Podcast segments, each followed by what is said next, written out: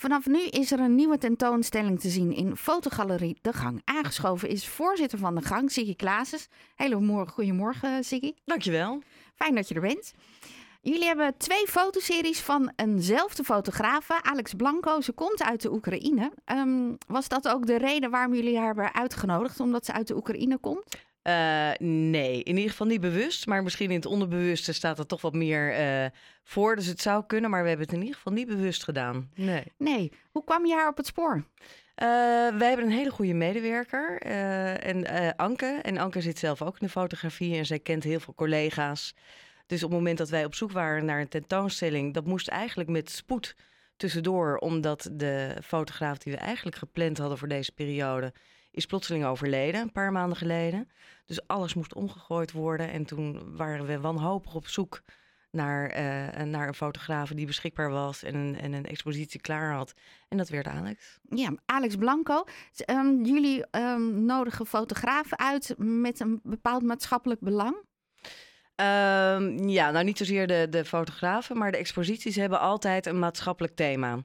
Uh, de gang is een, en ik weet niet of de luisteraars dat weten, je hebt de wereld van Jansje, dat is redelijk bekend in de Grote Houtstraat.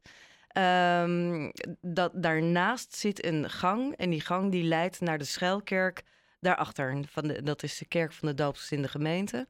En die gang die leidt dus vanuit het, het hart van Haarlem, het winkelhart van Haarlem, naar de rust van die kerk. En eigenlijk is dan die gang is dan symbolisch een soort van overgangerverbinding tussen die drukke wereld en de rust van, uh, van de schuilkerk. En uh, als in, in die overgang hebben we dan wereldlijke thema's, zeg maar, die we exposeren, altijd een maatschappelijk thema. Ze heeft uh, twee verschillende exposities ja. tegenover elkaar hangen. Kan je iets meer vertellen over de achtergrond van Alex Blanco? Um, ja, Alex is, uh, ze is geboren in 1988. Dat geeft een beetje een idee. Ze is begin 30. Um, zij is geboren in uh, de Oekraïne. En, uh, en grappig genoeg hoorde ik gisteren van haar dat dat niet iets is in die tijd. Was het niet echt iets om trots op te zijn. Oekraïners die hadden een beetje, met, met name Oekraïnse vrouwen schijnt, een, uh, nou, een beetje een slechte reputatie. Dat waren vrouwen die je niet echt serieus hoefde te nemen. En, uh, dus en dat ging zelfs zo ver dat Alex tot nou, een jaar 15 geleden, denk ik, tot in haar puberteit, Russisch is, heeft gesproken. En altijd zich voordeed als zijnde Russisch. Zij wilde niet als Oekraïense gezien worden. Dit even geheel terzijde. Zij is op een gegeven moment naar, naar Nederland gekomen. Haar ouders wonen nog steeds in Odessa, in uh, de Oekraïne. Uh, zij heeft hier fotoopleiding gedaan en is afgestudeerd en is hier nu aan het werk als fotografe. En zij heeft haar ouders als inspiratiebron gebruikt? Nou, sterker nog als, uh, als onderwerp. Het is, uh, ja, het is meer dan inspiratie. Uh, haar, heel, heel in het kort, haar vader werd ziek in 2016. En hoewel de band met haar ouders niet echt heel erg warm is, had ze toch, voelt zich toch compelled om daar naartoe te gaan. Eh, om die vader mede te verzorgen en te zorgen dat ze erbij was. Dus zij is naar Odessa gegaan en heeft toen eigenlijk haar ouders uh, de hele tijd gefotografeerd. En dat was eigenlijk om zichzelf een beetje afstand te gunnen tot wat er gaande was met die ouders. Juist als die band niet heel erg hecht en warm is, is het, was het makkelijker voor haar om die ouders als een fotografisch onderwerp te zien dan als haar ouders. Dus uh, ze, heeft dat, ze heeft haar kamer als een soort van schild gebruikt om die gevoelens allemaal een beetje terug te houden. En, maar heeft, haar, heeft een serie foto's gemaakt van haar ouders. Uh, terwijl haar vader ziek was en ook herstellende. Nou, ze heeft een serie gemaakt, daar heeft ze drie jaar over gedaan. En in 2019 is ze weer teruggekomen. Toen was haar vader gelukkig ook weer hersteld. Dus uh, en het heeft ze grappig genoeg wel dichterbij gebracht uh, bij elkaar. Ja, um, dat lijkt me dat het dan ontzettend veel foto's moeten zijn. En daar moet dan een keuze uitgemaakt worden. Ja, en hoe is die keuze gemaakt? ja, ik heb geen Heeft idee. dat zelf gedaan? nou, wij hebben het in ieder geval niet gedaan. Uh, wat over is gebleven is een selectie van, nou, ik denk een uh, 30 foto's uh, voor die tentoonstelling. Hele bijzondere foto's. En ik weet niet hoe jouw ouders zijn, maar voordat mijn ouders of mijn moeder in dit geval uit de kleren zou gaan voor mijn camera, als ik dat zou willen, nou, dan moet wel heel wat gebeuren. Maar de ouders van Alex hadden er totaal geen problemen mee. Dus grappig genoeg hebben zij zich ook gedistanceerd van het feit dat dit hun dochter was. En hebben zij haar eigenlijk gezien als een professionele fotograaf die hun opdrachten gaf om, om zich op een bepaalde manier te manifesteren. En dat hebben ze ook gedaan, met veel plezier. Ja. Die moeder wilde altijd filmster worden, dus ze heeft nu echt het idee van, nou, ik ben er bijna. En die vader was, eh, had atletische aspiraties, zal ik maar zeggen.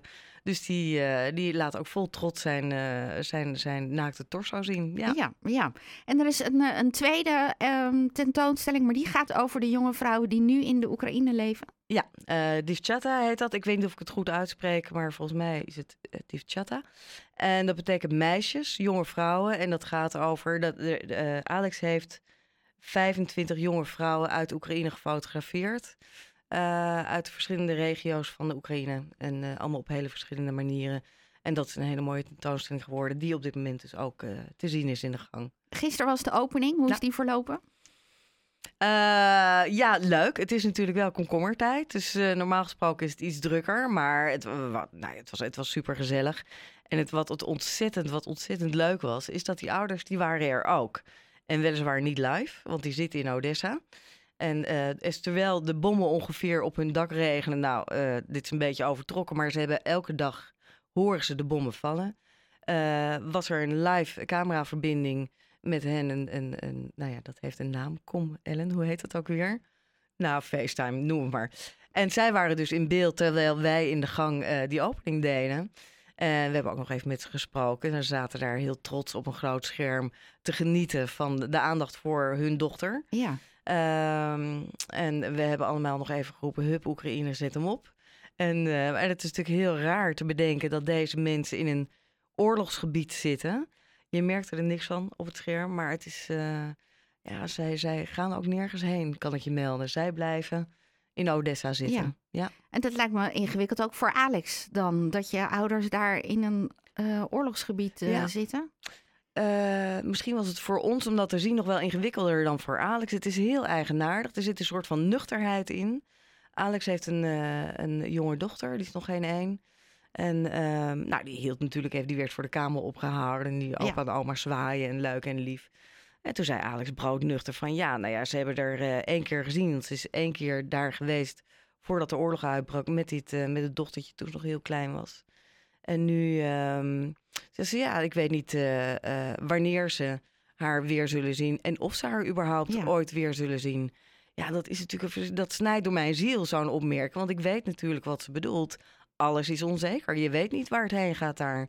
Maar er zit een soort van nuchterheid onder, die ik wel vaker merk bij eh Oekraïense mensen. Van, nou, we zien wel wat er gebeurt. Het is verschrikkelijk, maar we moeten er doorheen. Een soort van stoerheid en nuchterheid. En die had zij ook. Dank je wel. Alsjeblieft.